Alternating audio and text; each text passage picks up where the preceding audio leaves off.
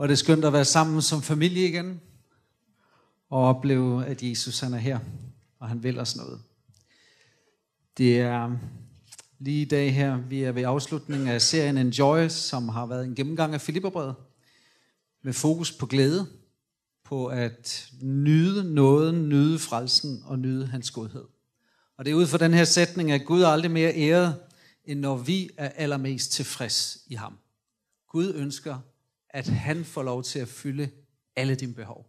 Og jo mere han er den, som er kilden til din livsnydelse og din livsglæde, jo mere glad og æret bliver han. Så derfor har vi været i Filipperbrevet, som jo er et brev, der 16 gange bruger ordet glæde på grundsproget. Et brev, hvor Paulus skriver fra en fængselscelle i Rom. Han burde ikke tage det tema op. Han burde tage og skrive et rigtigt selvmedlidenhedsbrev, for han havde grund til at være bange. Han havde grund til at være skeptisk, nervøs for fremtiden, for kejser Nero. Han var bestialsk. Og hvem vidste, hvad der kunne ske med Paulus? Og alligevel så er det et brev, som fylder os med så meget håb og så meget opfordring til at leve ham nær. Vi er nået til kapitel 4, og vi skal læse teksten der fra vers 1. Og så er det anden sidste gang her på søndag, lander Leif Pedersen den sidste del af brevet her. Og så afslutter vi dermed den her serie, som jeg bare oplever har været så berigende og velsignet, ikke mindst for mig selv. Og så tager vi hul på en tre ugers fase, hvor vi skal være i A2-visionen, ikke bare som kapitlet i Apostlenes Gerninger 2, men faktisk som livet og bønden og fasten. Og indvige os, fordi september måned er den sidste måned i den her bygning. Er I klar over det? Så rykker vi ind i en ny bygning, som vi ikke bare ønsker skal være en fysisk flytning, men en åndelig flytning. Og derfor har vi brug for at indvige hele den måned til bøn, til stillhed, til at lytte. Hvad har Jesus at sige til os? Hvad er det, Jesus kalder os til? Men også bare som de første i Apostlenes Gerninger kapitel 1, de var sammen i øversalen, der ventede de, de bad, og de var fyldt af en længsel efter, at Jesus skulle gøre noget nyt, og derfor brugte de tid på bøn. Og så skete det på pinsedag A2. Men vi har brug for at være i stillhed og i bøn, og det kommer vi til at være i september måned, og der kalder Jesus dig, han kalder mig til at være sammen med ham. I bøn, både alene, men også sammen med hele fællesskabet. Lad os slå op i Filipperne 4. Der står sådan her fra vers 1, og den er sådan lagt ind i afslutningen af kapitel 3, i hvert fald i den oversættelse, som er af den dronningen autoriseret. Der står således, du kan følge med her på skærmen, tror jeg, hvis ikke du har din bibel med. Derfor, mine kære brødre, søskende, som jeg længes efter, min glæde og min sejrskrans, står således fast i Herren, mine kære. Jeg formaner Eudia, og jeg formaner Syntykke til at enes i Herren. Jeg beder også dig, trofaste Synsegos. Prøv lige at sige Synsegos. Øh, hyggeligt navn, ikke? Hjælp dem, for de har kæmpet for evangeliet sammen med mig, og sammen med Clemens og mine andre medarbejdere, hvis navne står i livets bog. Glæd jer altid i Herren. Jeg siger at der glæd jer. Lad jeres mildhed blive kendt af alle mennesker. Herren er nær. Vær ikke bekymret for noget, men bring i alle forhold jeres ønsker frem for Gud i bøn og påkaldelse med tak. Og Guds fred, som overgår al forstand, vil bevare jeres hjerter og jeres tanker i Kristus Jesus. Amen. I øvrigt, brødre, alt hvad der er sandt, hvad der er edel, hvad der er ret, hvad der er rent, hvad der er værd at elske, hvad der er værd at tale godt om, kort sagt, det gode og det rosværdige, det skal I lægge jer på sinde. Og hvad I har lært af mig, eller hvad I har lært og taget imod og hørt og set hos mig, det skal I gøre. Og fredens Gud skal være med jer. Amen. Spørgsmålet, jeg gerne vil svare på i dag, det er, hvordan holder vi fast i glæden? For det er tydeligt for Paulus, i hans opfordring til os som troende, at det er muligt at leve i glæde til alle tider. Midt i den her tekst, der har vi det her absurde ord. Glæd jer altid i Herren. Jeg siger af der glæd jer. Det ord, jeg har problemer med, det er det der ord. Altid. Fordi hvis Paulus skrev, glæd jer søndag formiddag, hvor I har fået en god plads ind i kirken, og der ikke er alt for varmt. Glæd jer, hvis I er kommet godt op her til morgen, og blevet overrasket af rundstykker eller en brunch. Glæder jeg på de dage, hvor solen skinner, hvor det bare kører, der er medvind. Så er det ok. Men at han ligefrem opfordrer os til at glæde os altid, det er absurd. Og det rummer en udfordring til alle os troende. Hvordan kan Paulus bede os om at være glade altid. Jeg kan godt forstå, at Paulus han siger med det samme. Jeg siger, er der glæd jer. Fordi jeg tror nærmest, han kunne høre det selv. Han vidste godt, at Filipperne var i krise. Han vidste godt, de var efterladt i en by, hvor der var stor modstand, forfølgelse og risiko ved at være troende. Han vidste godt om kirkens problemer internt. Han vidste godt om alle de der ting, som ikke bare var sjove. De mistede måske bopæl, de mistede job, de mistede ejendom. Og alligevel så siger han det igen og igen. Han siger, glæd jer. Altid i Herren. Prøv lige at sige det til din sidemand. Glæd dig i Jesus. For hemmeligheden her, prøv at lægge mærke til, han siger, glæd jer altid i Herren. Prøv lige at sige, i Herren. Det er der, vi har nøglen til, at vi altid kan glæde os. Hvis ikke Paulus havde fået den med, så var vi lost. Fordi ingen af os kan gå og være happy-glappy, glade konstant. Men vi kan være glade i Jesus, kilden af Kristus. Og hvis vi læser den her tekst, så prøv at bemærke, hvor mange gange han nævner Jesus, han nævner Gud, han nævner Guds fred, han nævner øh, Jesus sind, han nævner hele tiden kilden til den glæde, som han ønsker, vi skal være i. Hele afsnittet starter med, at han siger, stå således fast i Herren. Så han definerer den sfære, hvor vi kan leve og holde fast i glæden. Den er i Jesus. Og så siger han, stå således fast i Herren. Det er et militærudtryk for en kriger, som ligesom står fast i det område, han skal erobre og han står fast, uanset krig, uanset kamp. Og det er mit spørgsmål i dag. Hvordan holder vi fast i glæden i Jesus? Hvordan står vi lige der og holder fast i ham? Hvordan kan vi det? Tænk, hvis vi kunne lykkes i det. Tænk, hvis vi kunne opleve, at glæden var et kendetegn, ikke bare ved os som fællesskab, men ved os som individer. Det er som om Paulus han er optaget at de troende skal afspejle Jesu glæde. Guds glæde. For det her, han taler om, det er jo ikke bare et temperament eller et særligt karakteregenskab. Han taler om den tilstand, som er i Gud lige nu, at Gud er glad. Det er en overnaturlig glæde, som formidles ved Helligånden, og som vi kan leve i altid. Ordet betyder at værdsætte, at anerkende værdien af, eller reflektere på en skønhed, med en betydning, indtil din, dit hjerte hviler. Så Bibels glæde det vil altid gå imod dine følelser og være uafhængig af dine følelser. Man kan godt afspejle sig i dine følelser, men ikke nødvendigvis. Du kan sagtens være bedrøvet, dog altid glad, som Paulus siger i en brev. Du kan sagtens være fuld af savn og sorg og være frustreret, dog opleve glæde indeni. Glæden, Paulus beskriver, er ikke den der historiske glæde, som var så populær på den her tid. Ordet historiker øh, kommer jo blandt andet til udtryk også i nogle af de filosofer, som lige er populære i den her tid. For eksempel den bog, der er skrevet, der hedder Ståsteder. Den er meget inspireret af de her historiske filosofer helt tilbage fra, fra Paulus. Og ordet historiker betyder egentlig følelsesløshed. Paulus anbefaler ikke en følelsesløshed. Du skal ikke være følelsesfornægter, hvis du er en glad kristen. Men du skal opleve en glæde, som ligger dybere end dine følelser, og er stærkere end dine følelser, og uafhængig af dine følelser, uafhængig af dine omstændigheder. Det er kaldet over os som kirke. Så vi skal altid glæde os i Herren. Hvordan gør vi det? Ordet fast har jeg understreget med den her lille firepunktsplan, som jeg finder i den her tekst. For det første, forson dine konflikter. Prøv lige at sige konflikter. Er det ikke et dejligt ord?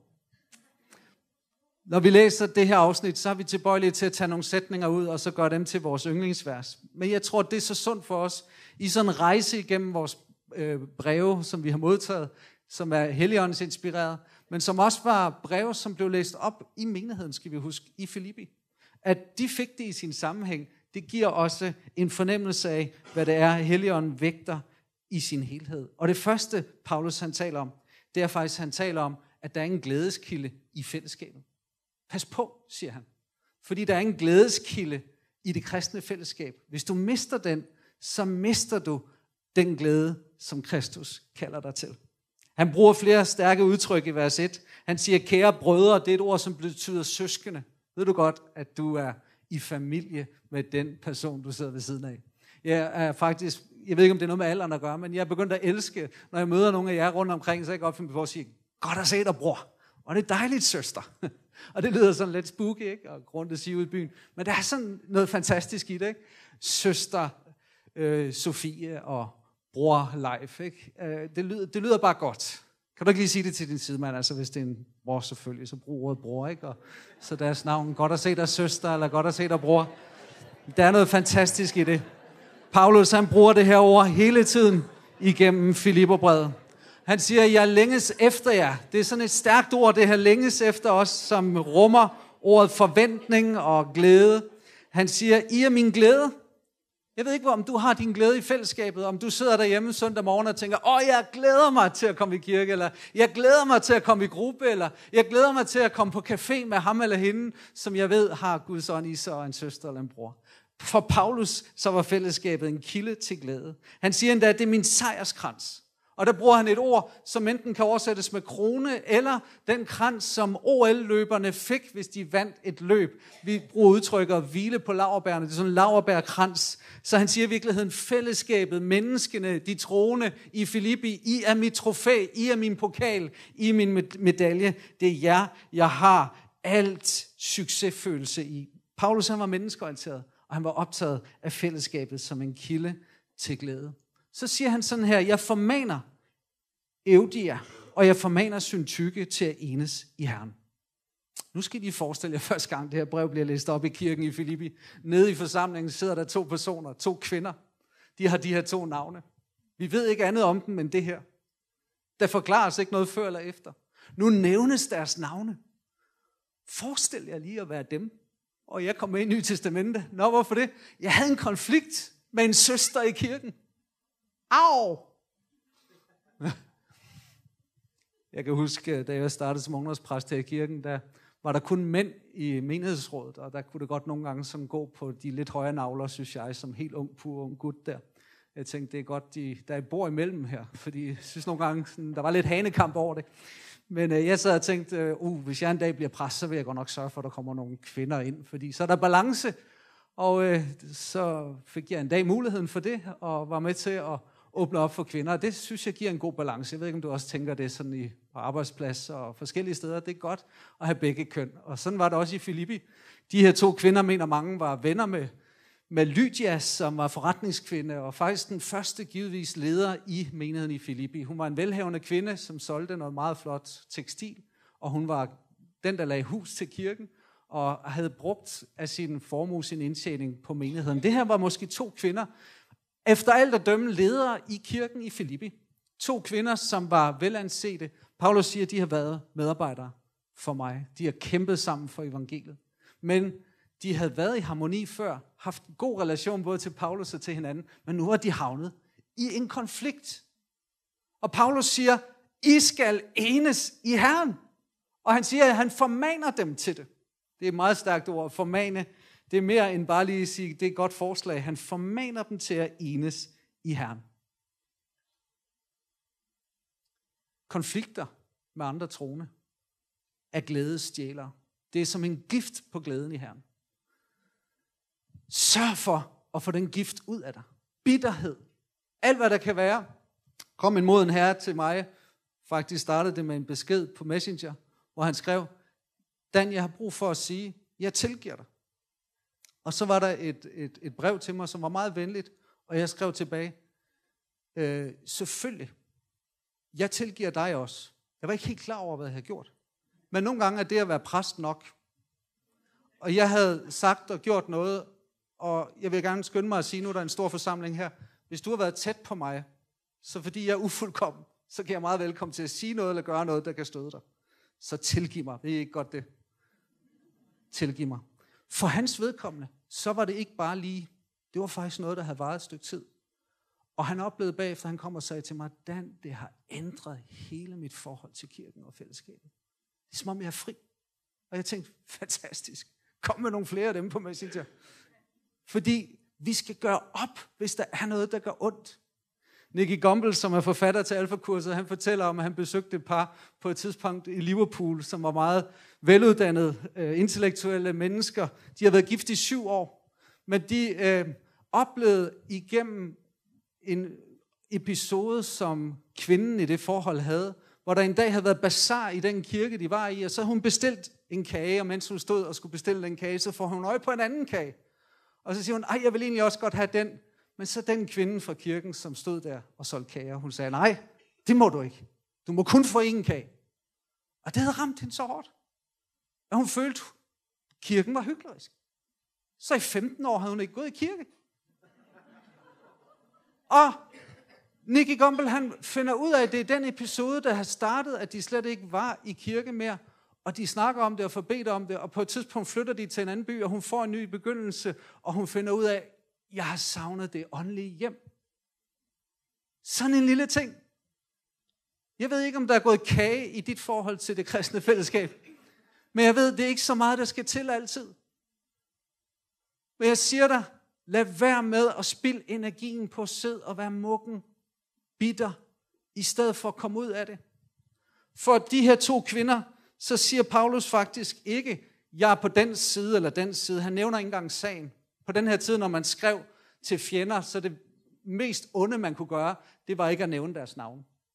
Men Paulus nævner deres navne. Han siger, jeg vil ikke tale. Alle ved, hvad det her er for et tema. Hele kirken vidste godt, de var oppe at køre og, og havde en konflikt. Så kunne han lige så godt nævne dem ved navn. Det var faktisk barmhjertigt og kærligt. Men ikke bare det. Han siger også, jeg beder også dig, trofaste synsegås. Hjælp dem. Hjælp dem.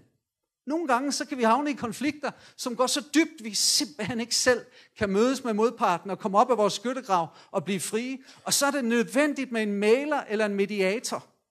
Og kirken skal blive bedre til konfliktløsning. Jeg husker på et tidspunkt, hvor den her kirke også havde en, øh, en splid, en konflikt mellem nogle ledere, og hvor en i menigheden sagde, det er som om vi ikke har et, et sprog for konflikt. Det har vi da i Filipperbrevet. Der var en konflikt. Paulus satte ord på den. Han udpegede, hvem der skulle gøre hvad, for at den konflikt kunne blive løst. Han siger, kilden til løsningen imellem jer to kvinder, det er, at I enes i Herren, ikke i jeres egen kraft. Læg jeres personlige dagsorden væk med den ressource, som er i Jesus, hans forsoningskraft, hans korsstød. Han tænkte ikke på sig selv, han gik i vores sted. Brug den kraft og kærlighed til at tilgive hinanden, og glem jeres personlige interesser, og lad være med at kæmpe for at få ret. Nedlæg jeres ret, ligesom Kristus nedlagde sin ret, og så oplev opstandelsen til noget større, for fællesskabets skyld, for Jesus skyld. Amen. Synes ikke også, han blev mediator og maler, og Jesus siger, særligt de, som stifter fred, de skal kaldes Guds børn. Og han giver faktisk ansvaret til hele menigheden, at de alle sammen skal hjælpe den her konflikt ud. Ven, hvis du har en konflikt med nogle trosøstende, så sørg for at få den gjort op. Lad være med at gå bære på det. Det kan være, at der er en, der har sagt noget, og det har såret dig, og du tænker, jeg vil ikke gøre det op, fordi den person skal stege sit eget fedt. Men det kan være, at personen ikke engang ved. Ikke engang ved, de har såret dig. Og det fylder alt i dig, og personen aner det ikke engang. Ven, tag fat i det. Ryd op i det. Fordi ellers stjæler det kilden til glæde i dit liv. Kan I sige amen til det? Så forson dine konflikter det er afgørende at gøre det så hurtigt som muligt. Jesus siger faktisk, hvis du er i Guds tjenesten og kommer i tanke om, at nogen har noget imod dig, nu er det ikke engang dig, der har noget imod dem, men du ved bare om nogen, der har noget imod dig, så forlad Guds tjenesten. Gå ud, gør det op, forson dig kom tilbage og bring dit offer. Amen. Dernæst ager generøst udadtil. At stå fast i Herren og dermed glæden i ham, har både noget at gøre med dine relationer indadtil i kirken, men også noget at gøre med dine relationer udadtil. På dit job, på vejen, ned ved skattevæsenet, i netto, i køen der, eller hvis du er utilfreds med dine sko. Han siger, glæd jer altid i Herren. Jeg siger, er der glæd jer. Lad jeres mildhed blive kendt af alle mennesker.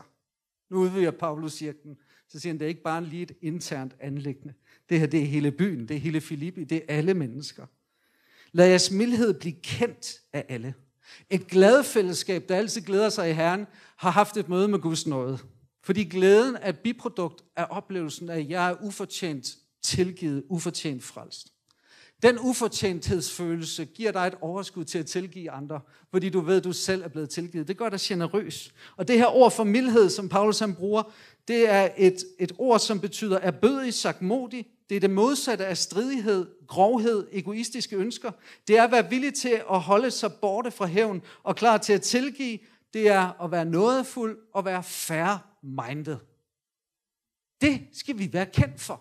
En glad forsamling er ikke altid en forsamling, som bare råber højt og sender en masse støj ud i byen, men det er en forsamling, som uanset hvor du møder dem, så mærker du mildhed. Du mærker, at de kæmper ikke for deres egen ret, men de har den der med, jeg skal bare bringe Jesus, hvor jeg er. Og han var så modig og ydmyg af hjertet. Hvad var kilden til det? Var det, at de var specielt flegmatiske typer, eller sådan specielt personlighedstyper? Nej. Han siger, Herren er nær. Bibeltolkere tolker det som regel på to måder. Enten eskatologisk, altså endetiden, Jesus kommer snart. Eller at Jesus er nær, at han er her ved sin ånd. Begge oversættelser duer fint ind i det her. Fordi det handler om, hvis Jesus er nær, så ved jeg, at der kommer en dag, hvor han gør regnskabet op. Jeg behøver ikke kæmpe for min ret. Jesus er nær. Jesus kommer snart. Når han kommer, så kommer han. Og så skal alle stå til regnskab. Så jeg behøver ikke være dommer. Han er dommer. Det er mit ansvar at elske. Det er hans ansvar at dømme. Amen. Så Jesus er nær, gør en indflydelse på vores karakter og, og vores relationer. Dernæst, at Jesus er nær. Som en har skrevet i en bog, practice the presence. Praktiser hans nærvær. Det at du ved, at Jesus han ser dig, han hører dig, han overværer dig. Lige meget hvad du gør og siger, uanset hvor du er i løbet af en uge, om det er nede i Netto, eller det er ude på vejen, det er en nabokonflikt, eller det er en, et, et forhold på dit job. Jesus er der, Jesus ser dig, Jesus overværer det. Herren er nær. Så behandle andre med det i baghovedet. Han er mild, og han ser mig. Han er nær. Han vil give mig kraft til at agere ind i det her. Amen.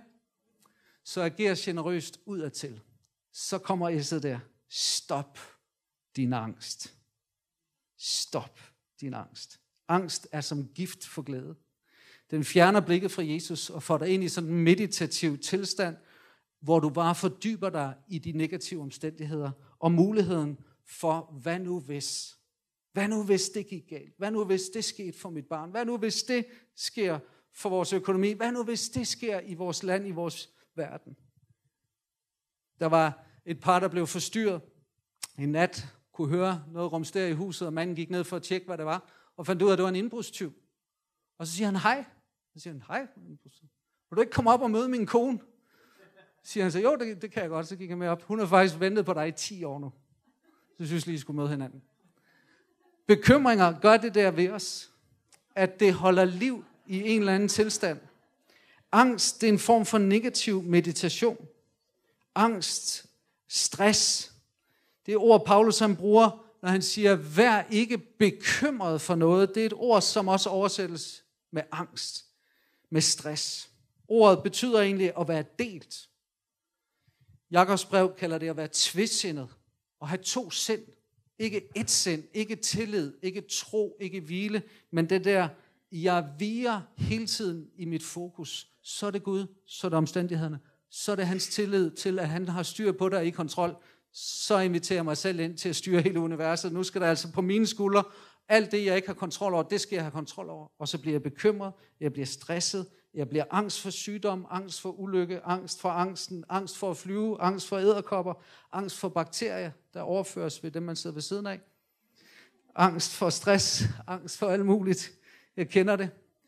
Øh, det er ikke sjovt. Angst er jo egentlig frygten for noget, man ikke kan definere. Paulus han taler ind i det her, vær ikke bekymret for noget, men bring i alle forhold jeres ønsker frem for Gud.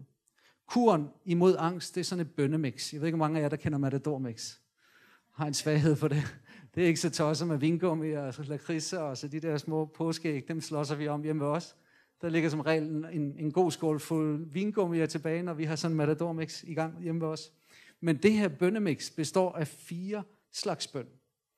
Og det første, det er ønsker. Det, det græske ord betoner anmodningen om et svar på et specifikt ønske. Det er ok at tage din bekymring og så omformulere det til en ønskeseddel. Har du prøvet det? Hvor mange af jer er gode til at udfylde ønskesedler ved jul og fødselsdag? Ja, der er nogle stykker her. Øh, min søn Oliver, han har altid været excellent. Han har kun haft ét ønske som regel. Og det lå sådan strategisk, sådan lige en 800% over rammebeløbet. Jamen, det gør ikke noget, om jeg ikke får det, men jeg har kun det her. Og det er jo meget strategisk, ikke? Men Jesus siger, selv Oliver, han må godt udfylde sin ønskeseddel uden grænser. Kom med din bekymring. Jamen, jeg er så bange for, okay, så omformuler det til et ønske. Ordet for bøn, det er, når du beder om noget konkret. Ordet for påkaldelse, det beskriver en trones adgang til Gud, at vi vender os væk fra os selv og nærmer os Gud i stedet for, og bringer os ind for Guds trone. Ordet tak, det er en beskrivelse af attitude i hjertet. At jeg kommer ikke bare i bøn, jeg kommer ikke bare for at kræve, jeg kommer for at sige tak Gud for den du er. Jeg søger ikke kun din hånd, jeg søger dit ansigt. Jeg vil være sammen med dig. Så byt din bekymringsliste til en ønskeseddel, og så gør ønskerne til taksigelser. Jeg ved ikke, hvad der virker for dig, om det er at føre en bønnejournal, eller det er at gå en tur og snakke med Jesus, eller at tænde en lovsang-CD og, og, og, og bede. På den måde, synge med på sangen, eller det er at bede i ånden og tale i tunger.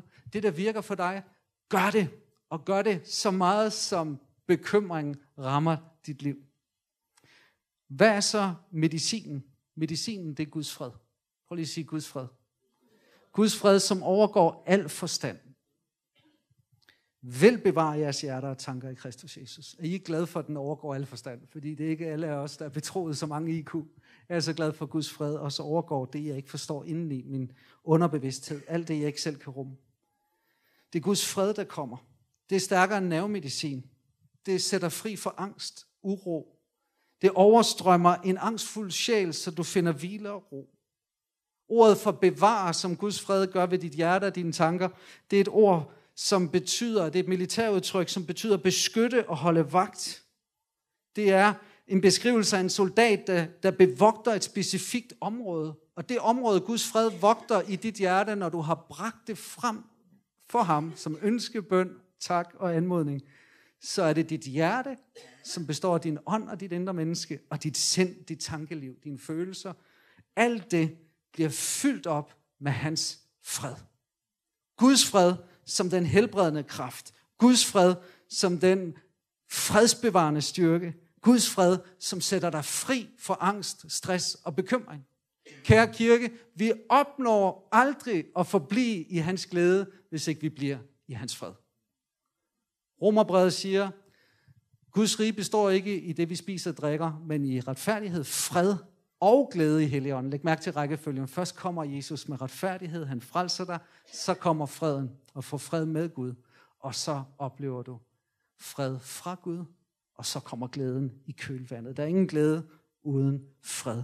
Så stop din angst. Kære dig, der kæmper med angst, dødsangst, sygdomsangst, angst for angsten, social angst, al mulig slags angst.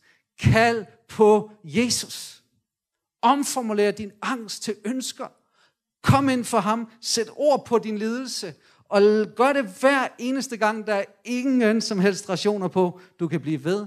Og så skal Guds fred, som overgår al forstand, bevare dit hjerte, din tanke i Kristus Jesus. Bønder og bekymringer er ikke gode sengemakkere. De bryder sig ikke om hinanden.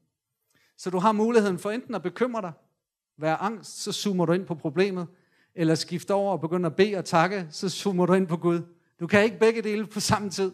Så du har altid valget, okay, vil jeg nu bekymre mig at være angst, og så zoome ind på mit problem, eller vil jeg begynde at tilbe og takke, og det lyder enormt let det her, ikke? Men det er så kernen i den kristne trosvandring. Det sidste, jeg har lyst til at sige, det er, tænk sunde tanker. Prøv lige at sige sunde tanker. Sunde tanker. Ikke nok at blive sat fri i bøn og opleve Guds fred. Du må også forebygge. Det er ikke nok at opleve, nu forsvandt angsten, og så går du tilbage til den dagen efter og hygger dig med den. Nej, et sundt tankeliv giver et sundt hjerte. Og et sundt hjerte giver et sundt karakter. Så det starter i tanken. Og derfor så er det også tydeligt i øh, Paulus' afslutning på det her afsnit, at han siger, pas nu på, at det ikke bare bliver bøn, og det bliver alle de der åndelige discipliner. Du har ansvar for at varetage vedligeholdelsen af dit sind og dit tankeliv. Og så siger han dybest set seks ting, som skal kendetegne dine tanker, og så opsummerer han det, fordi han ved, seks det er meget, det er mere, end du kan have på en hånd med fem fingre, så du får også lige en opsummering på to. Så det første, det er de seks ting. Alt, hvad der er sandt. Prøv lige at sige sandt. Du må tænke på alt, hvad der er sandt, siger Paulus. Og ordet alt, der kommer lige inden, det betyder, at det er sådan en overskrift. Det er ikke bare lige én ting. Det er alt, hvad der kommer inden for kategorien sandt. Og det ord, det er det modsatte af uærligt og ikke troværdige ting. Det vil sige, alt, hvad der er sandt. Fyld dine tanker med det. Når han siger, at det skal I lægge jer på sinde, så er det et ord, som på græsk er likisoma. Og det betyder også, at det er derfra, vi har logik, altså logisoma. At give passende vægt, værdi og lade påvirke vores liv og fordybe os i. Han siger som nummer to, alt hvad der er ædel, det betyder det, som er respektværdigt. Alt hvad der er ret, det der harmonerer med Guds standard. Det der er rent, altså ikke moralsk mixet, men helstøbt. Det der er værd at elske, det der fremmer det gode i vores liv, i relationer, ikke konflikt. Og det, der er værd at tale godt om, det er også et andet ord for det konstruktive, det positive, frem for det negative og destruktive. Så i virkeligheden, så siger Paulus, alt det her med at leve i glæden, det starter faktisk med, at du oplever bønden, ønsket, takken, bliver sat fri for Guds fred ind i dit hjerte og dit sind, så bevar det i Kristus Jesus. Men, siger han, du har ansvaret bagefter. Ikke bare for at bede, men for at dine tankebaner, tankemønstre, bliver i de her seks retninger. Og han opsummerer det med to ting, og så siger han, hvis ikke du kan huske det, så er det alt det gode og alt det rosværdige. Det, der tåler dagens lys, og det, der er moralsk godt, det skal du tænke på. Er det her sådan en positiv tanketeknik? Ja, det må du godt kalde det for min skyld. Det her det er i hvert fald Nye Testamente. Hvis du tænker destruktivt, negativt hele tiden, så får du mindre af Guds glæde. Hvis du tænker positivt, tænker på Gud, tænker på hans løfter, tænker på det gode og det rosværdige, så får du alt godt fra Gud. I kender jo selv den der lille Martin Luther hyggede sig med, at du kan ikke forhindre en fugl fly over dit hoved, men du kan forhindre, at den bygger redde dit hår. Sådan er det også med tanker. Du kan godt blive ramt af den frygtstanke. Du kan godt blive ramt af den tanke af negativitet over for en søster eller en bror. Du kan godt blive ramt over for en opgivenhed. Men det der ikke måske, det er, at du kæler for tanken. Du skal drukne den, i stedet for at give den svømmelektioner. Du skal have den ud af dit sind, så det du fokuserer på, det er det gode og det rosværdige. Det der sker, det er dybest set kognitiv terapi, fordi Paulus siger, når du gør det, tænker rigtigt, så sår du en tanke, og så høster du en handling. Og når du høster en handling, så sår du, eller så, når du sår en handling, så høster du en vane. Når du sår en vane, så høster du en karakter. Og derfor så siger han til sidst, hvad I har lært og taget imod, og hørt og set hos mig, det skal I gøre. Og så skal fredens Gud være med jer. Den kirke, som oplever Guds fred mærkbart, oplever Guds nærvær som fred i fællesskabet. Det er den kirke, som ikke bare hører Guds ord, men gør Guds ord. Det er den kirke, som er optaget af discipleskab. Discipleskab er ikke bare at høre, det er ikke bare at tage imod, det er at se. Det er at lære. Det er alle fire dimensioner.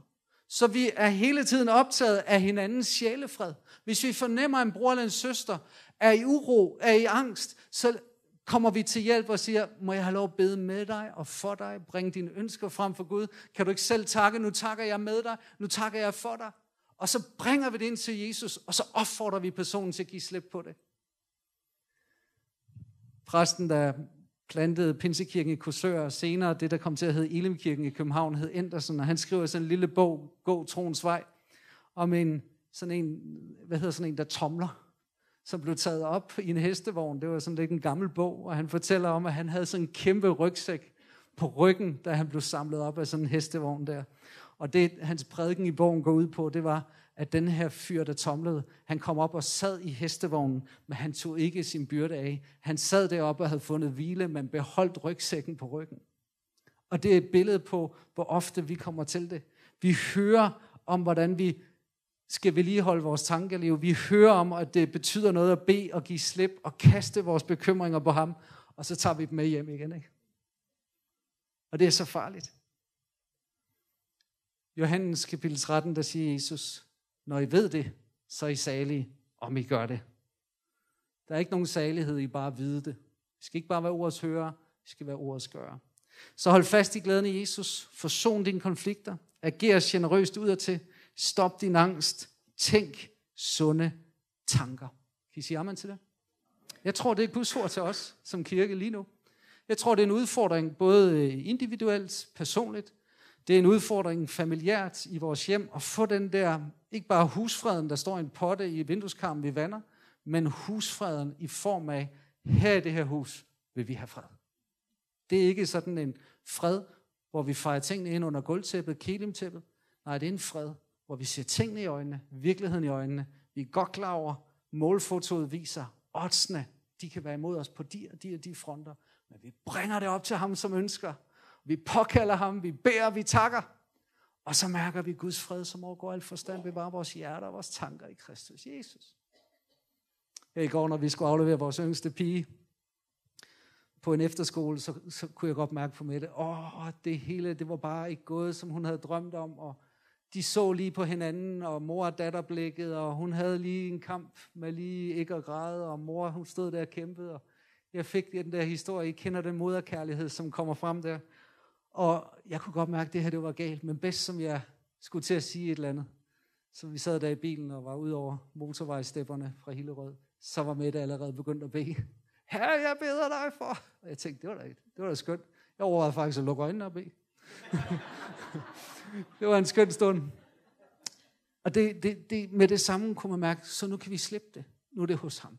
Kan jo ikke lave om på det alligevel. Det er dumt for os at gå ind og lede den skole lige sådan for en dags skyld på grund af vores datter, ikke? Nej, nu skal I lige høre det der, det skal I lige lave om på. Nej, det må Jesus styre.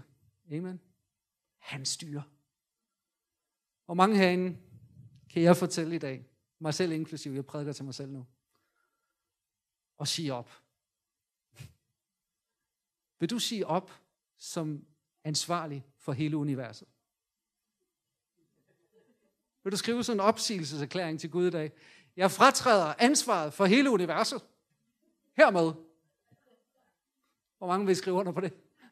ja, også control freaksene. Jamen, hvad nu hvis? Ja, nemlig. det er ikke let, og det er ikke sjovt og miste kontrol. Vil du holde fast i glæden i Jesus? Skal vi ikke bede sammen? Kristus Jesus, vi elsker dig. Her vi ønsker, at vores hjerter og tanker skal være i dig. Det kommer så hurtigt væk, som Peter der, der går på vandet, og så pludselig ser han bølgerne, og så synker han. Men så snart han fik blikket tilbage på dig, Kristus, så blev han reddet. Her, jeg, jeg ved, der er nogen i dag, som er kommet herind, som, som slider med angst, uro, frygt. Nærmest kronisk dårlig nattesøvn. Presset og stresset. Føler, man skal bære og styre og løbe hurtigere. Alle tallerkenerne, tallerkenerne i livet skal ligesom holdes kørende. Man, man oplever bare, at man jager afsted. Her du siger, kom til mig, jeg ligesom er træt og tynget af byrder, og jeg vil give jer hvile. Her kom med hvile til urolige sjæle. Kom med hvile til angstfyldte sind. Kristus kommer og møder os i dag. Jeg beder for enhver, som er i uro og i ubehag, fordi de har haft kontroverser og konflikter. Det kan være i slægten, i familien. Det kan være med naboen eller på jobbet. Det kan være her i kirken. Her hjælp os.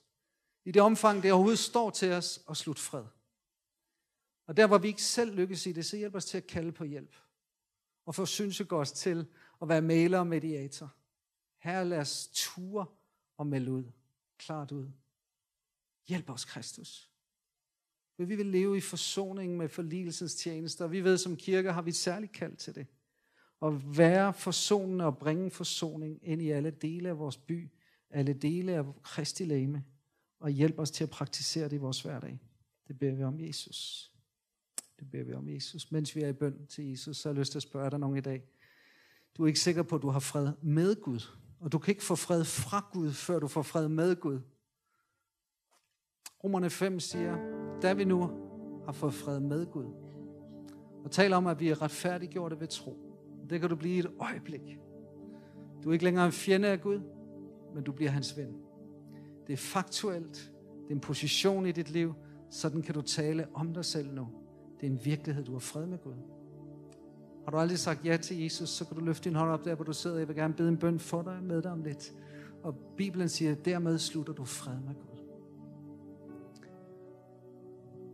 Oplever du, at du har brug for fred fra Gud? Du er i stress. Du er i pres. Du oplever bekymringen ikke bare som en praksis, men nærmest som en underbevidsthedstilstand. Det er som om en bold, du holder nede under vandet, og du føler næsten, at hvis du giver slip, så kommer den med som voldsom kraft, at du tør ikke andet end at pleje den og nære den. Men den tager så meget energi fra dig. Angst og bekymring. Har du det i dag sådan, at du vil gerne sige ja til bønnemixet? Du vil gerne ind og praktisere bøn og anråbelse og tak og, og bare udfylde din ønskeseddel og prøve at øve dig i det, i stedet for at bekymre dig så bede. Og du har en behov for Guds helbredende kraft i hans fred. Så bare løft din hånd op der, hvor du sidder, og så kalder du på Jesus derved. Bare løft din hånd op. Der skal ske et skifte i dit sind. Der skal ske et skifte i dit hjerte. Der skal ske et skifte ind i dig. Der er nogle ting, du har forsøgt at styre i dit ægteskab, i din familie, i dine omgivelser. Og du har ikke kunne glæde dig i Herren, fordi du har været Herren. Du skulle glæde dig i dig selv og din eget humør, fordi det var i dit humør, du havde din glæde. Men du skal vide, det er ikke i dit humør, det er i Herren. Det er i Herren. Jesus lagde sig til at sove i båden, mens der var stormvejr. Du vil opleve stormen med der stadig, men du kan lægge dig til ro, til hvile. Slægten er i hans hænder. Familien er i hans hænder. Dit helbred, børnenes helbred, børnebørnenes helbred, det er i hans hænder, og du skal ikke styre. Giv det over til ham. Du kan ikke få en eneste dag til. Men søg først Guds rige, så skal alt det andet komme dig til som en gave. Er du her i dag, og du ved bare, at du må forsone dig med en bror eller en søster, en nabo eller en kollega, så tag den beslutning i dag. Jesus, jeg vil hjælpe mig. Jesus, jeg vil hjælpe mig. Jeg vil ikke lade det til jer. Jeg vil ikke lade det stjæle min glæde.